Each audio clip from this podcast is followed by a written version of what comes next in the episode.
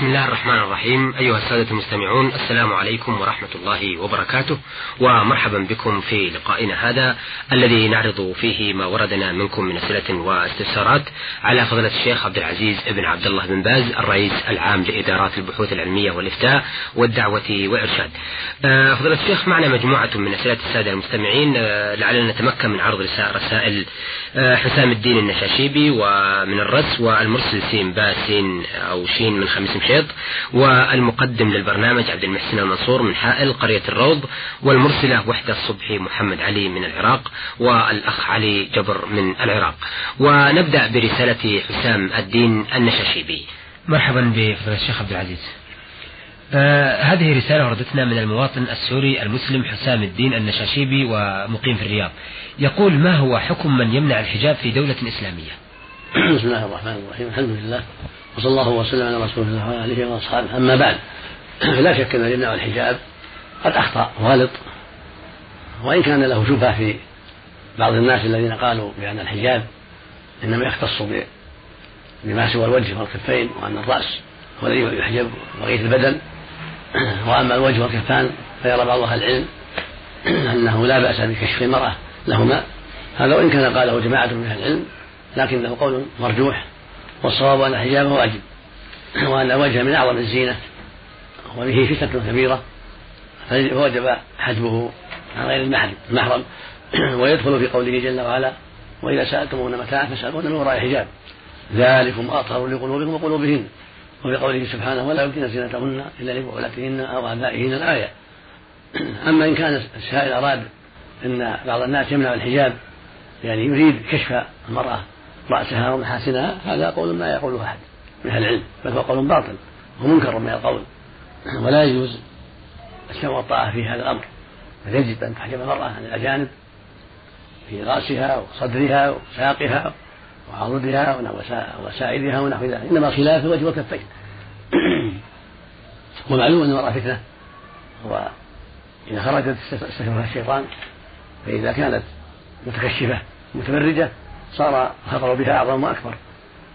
فالواجب على أهل الإسلام هو الأخذ بحكم الإسلام والتقيد به ومحاربة ما خالفه. نعم. آه، أيضا يقول ما حكم مساندة الحاكم آه الذي دائما ضد الإسلام وضد المسلمين. وقد آه وخاصة إذا برزت نواياه آه نرجو الإفادة وفقكم الله.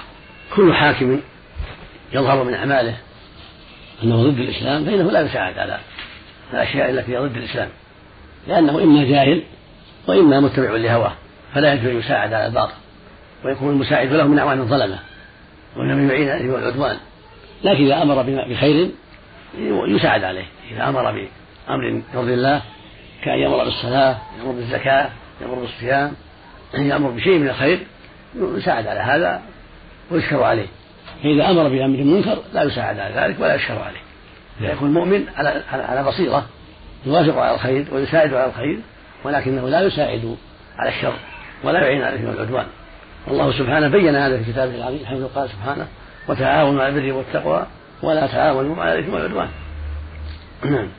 أه وردتنا رسالة من خميس مشيط من مرسلها المستمع سين باشين يقول فيها آه السلام عليكم ورحمة الله وبعد. إنني أعتبر الرابع من إخواني وقد أردت الزواج من واحدة من بنات عمي.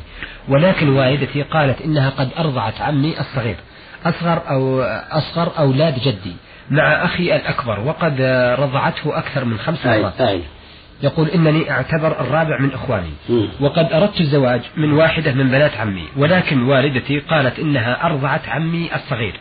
أصغر أولاد جدي مع أخي الأكبر وقد رضعته أكثر من خمس مرات ويعتبر عمي الذي أرضعته والدتي هو أخو الوالد من أبيه وأعمامي كثيرون آه، من أخوان الوالد من أبيه ومن أمه. فهل يجوز لي الزواج من بنات عمي؟ أرجو أن أجد عندكم آه، جواب استفساري هذا. إذا كان عمك الذي ارتضع من أمك عنده بنات فليس لك أن تنكح بناته. لأنه كان أخا لكم. لما كانت أمك أرضعت عمك الصغير فإنه يكون بالرضاع أخل أخا لكم أخا لأولادها. وتكون ويكون أولادها الذكور أعماما لأولاد هذا العم الصغير. والبنات عمات لأولاده فليس لك نكاح. بنات عمك هذا ارتضع من أمك. أما أمامك الآخرون فلك أن تنكح بناتهم. ما دامت أمك لم ترضعهم وأنت لم ترضع منهم من زوجاتهم ولا من جدك فلا بأس. أن تنكح من بنات عمك الآخرين. بنات أعمامك الآخرين لا بأس أن تزوج منهم لأنهم ليس هناك مانع. بنت العم ما أباح الله. إذا كان إذا كان هناك إذا لم يكن هناك رضاعة. يعني إذا لم يكن بينك وبينهن رضاعة. إما بكونك رضعت من زوجات أعمامك أو رضعت من جدك. هذا رضاع يمنع. أما ما دمت لم ترضع من زوجك من زوجات أعمامك ولا من زوجة جدك. ولم ترضع أمك بنات أعمامك. فإنك لا حرج عليك في النكاح منهن إلا بنات عمك الصغير الذي لم تضع من أمك فإنك لا لا يحل لك أن تزوج منهن أحدا. نعم. آه، من حائل ومن قرية آه، الروضة بعث بهذه الرسالة المقدم عبد المحسن المنصور. يقول إنني من المستمعين لبرنامجكم وأرجو الإجابة على هذين السؤالين. آه، سؤاله الأول في الحقيقة أن كثيرا ما يحدث في المساجد. يقول هناك أشخاص بما فيهم مؤذن المسجد يتحدثون في روضة المسجد بغير أمور الدين وأحيانا يكهكهون بصوت مسموع يؤذي المصلين وعند نصحي أخذوا يجاهرون. هل هذا جائز أم لا؟ وماذا يترتب عليهم؟ وفقكم الله. لا ريب أن مساجد لم تبنى للقيل والقال وحديث الدنيا والسوالف الباطلة والقهقهة ونحو ذلك إنما بنيت لذكر الله والصلاة قراءة القرآن وبيان العلم فالذين يجلسون في المساجد سواء في الروضة أو في غيرها الواجب عليهم يتأدبوا بالآداب الشرعية ويتباعدوا عما يخالف ما بنيته في المساجد. لكن إذا كان التحدث قليلا في أمور الدنيا فلا كراهة. يعني قليلا أما إذا كثر فيكره أقل أحواله الكراهة هكذا قهقة إذا كان قليلا أو تبسما فلا بأس. وقد كان الصحابة رضي الله عنهم وأرضاهم يتحدثون مع النبي صلى الله عليه وسلم في المسجد في أمور الجاهلية فربما ضحكوا وتبسم عليه الصلاة والسلام. فلا فالضحك إذا كان لأمر شرعي أو لأمر يتعجب منه من أمور الجاهلية أو ما أشبه ذلك من الأشياء التي آه، توجب الضحك في غير لعب وفي غير آه، امتحان المساجد بل لأمر عارض في الأحاديث التي تعرض بين الناس في التاريخ التاريخ ونحوه. هذا لا بأس به. أما أن يتخذ المسجد موضعا للقيل والقال والسوالف والقهقهة لا أقل حوالي كراهة أما الشيء العارض فلا بأس به. قهقهة عارضة عند مرور شيء يتعجب منه في تاريخ أو غيره أو أو تحدث بينهم حصل منه ما يدعو إلى الضحك هذا لا حرج فيه إذا كان قليلا. نعم. آه لكن المستمع عبد المحسن منصور يقول إنني عندما وجهت النصح لهؤلاء أخذوا يجاهرون وربما أنهم تكلموا عليه أيضا. هذا من جهلهم هذا غلط. بل الواجب أن يشكروه ويدعوا له ويقولون احسنت ونحو ذلك ولا يقابلونه بالاساءه ولكن الجهل قد يوقع أهله في أشياء من الشر بسبب قلة بصيرتهم. نعم. آه، سؤاله الثاني يقول آه، إذا كان هناك إنسان بذيء اللسان كثير الأذى لجيرانه ويحب إثارة المشاكل وتركت السلام عليه اتقاء شره وتجنب مشاكله فهل هذا جائز أفيدونا؟ جزاكم الله عنا خير الجزاء. هذا في التفصيل إن كان أذى لجيرانه من الأذى المعروف الذي يوجب آه، غضب الرب سبحانه وتعالى أو يعتبر معصية ويعتبر جريمة هذا يستحق الهجر إذا إذا لم ينتصح ولم يتأدب فإن الواجب أول أن ينصح ويوجه إلى الخير ويحذر من إيذاء الجيران والتعدي عليهم فإذا لم يقبل النصيحة استحق أن يهجر وأن لا يسلم عليه حتى يتأدب. أما إذا كان أشياء خفيفة أو أشياء قد يجهلها الإنسان أو كان بين الناس من أمور الجيران فيما بينهم من بعض المشاكل هذه لا توجب الهجر ولكن لا مانع من توجيهه ونصيحته وإرشاده إلى الخير. فإن السلام أمره مهم وسنة من أسباب صلاح المجتمع أصحاب المجتمع فإن المسلمين فيما بينهم يشرع لهم السلام والبادي أفضل والمجيب الجواب عليه واجب. لكن إذا كان هناك أمور واضحة تعتبر من أسباب الفسق من المعاصي الكبيرة فإن صاحبها إذا لم يقبل النصيحة ولم يرجع يستحق أن يهجر حتى يتوب نعم. آه هذه رسالة وردتنا من أحد السادة المستمعين. آه يقول في رسالته آه في بعض المحلات لبيع الذهب تباع ميداليات مكتوب عليها آيات قرآنية أو كلمة الله. فهل يجوز أن تقول للبائع بعنا هذه الميدالية أم, أهدي أم أهدها لنا؟ باعتبار أن سوف نعطي له ثمن هذه الميدالية كهدية مقابلة لهدية أخرى. نرجو توضيح ذلك لنا وللناس وفقكم الله. هذه أشياء تعم بها البلوى. وشراؤها وبيعها جائز. وإنما كان في لبسها قد كتب عليها الآيات أو كلمة الله. قد يتعرض بها الإنسان إلى دخول أماكن قذرة.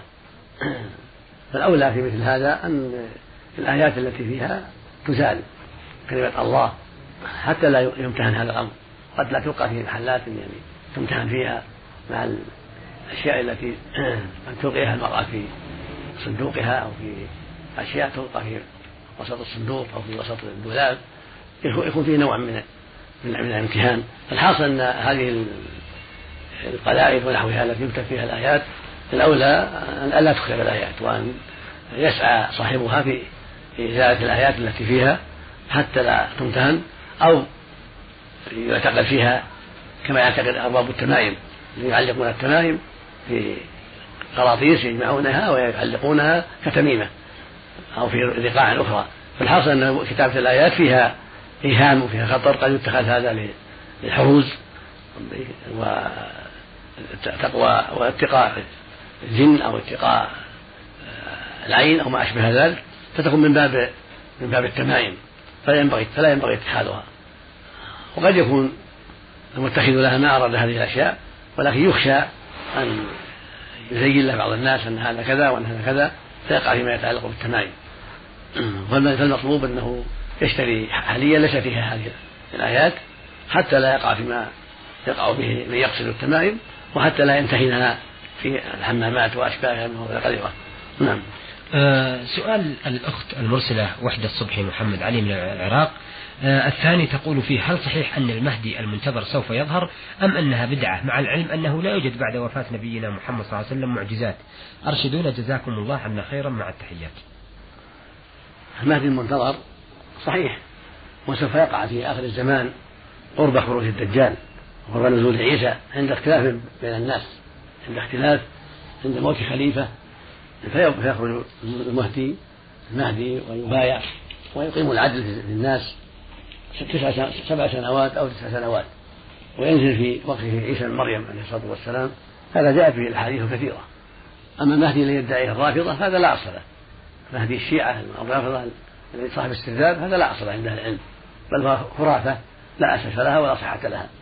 أما المهدي المنتظر الذي جاءت به الأحاديث الصحيحة وهو من بيت النبي صلى الله عليه وسلم من أولاد فاطمة رضي الله عنها وهو سمي النبي صلى الله عليه وسلم محمد. وأبوه عبد الله هذا حق. وجاء في حديث صحيحة وسيقع في آخر الزمان ويحصل بسبب خروجه وبيعته مصالح المسلمين لإقامة العدل ونشر الشريعة وإزالة الظلم عن الناس. وجاء في الحديث أن تمر الأمراض عدلا بعد من جورا في زمانه وأنه يخرج عند وجود فتنة بين الناس واختلاف على إثر موت الخليفة القائم فيبايعه أهل الإيمان والعدل لما يظهر لهم فيه من الخير والاستقامة وأنه من بيت النبوة. نعم هذه رسالة وردتنا من المستمع علي جبر من العراق. يقول في رسالته دخلت المستشفى وكنت بحاجة إلى دم وحصلت أو حصلت الدم من إحدى بنات جيراني. هل يجوز أن أتزوج هذه الفتاة؟ وشكرا لكم. أخذ الدم من أي امرأة؟ لا يجعلها محرمة لا يجعلها محرمة على آخر الدم لا. ليس الدم مثل الرضاع فلا كان تأخذ من فلانة أو فلانة ولا تكون أما لك ولا تكون محرما لك. وهكذا إذا أخذت من زيد أو من عمرو لا يكون أخا لك ولا يكون أبا لك من الرضاع.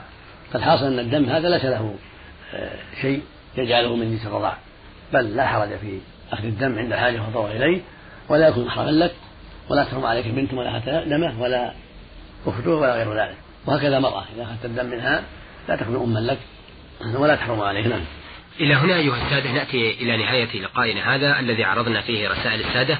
حسام الدين النشاشيبي من سوريا والمرسل آه، سين با شين من خميس مشيط والمقدم للبرنامج عبد المحسن المنصور من حائل قرية الروض والمرسلة وحدة الصبحي محمد علي من العراق بغداد والأخ علي جبر من العراق. عرضنا ما وردنا في رسائلهم من أسئلة واستفسارات على فضيلة الشيخ عبد العزيز بن عبد الله بن باز الرئيس العام لإدارات البحوث العلمية والإفتاء والدعوة والإرشاد. شكرا لفضيلة الشيخ عبد العزيز وشكرا لكم أيها السادة وإلى أن نلتقي بحضراتكم نستودعكم الله مع تحيات المهندس الإذاعي عبد الرحمن اليحيى.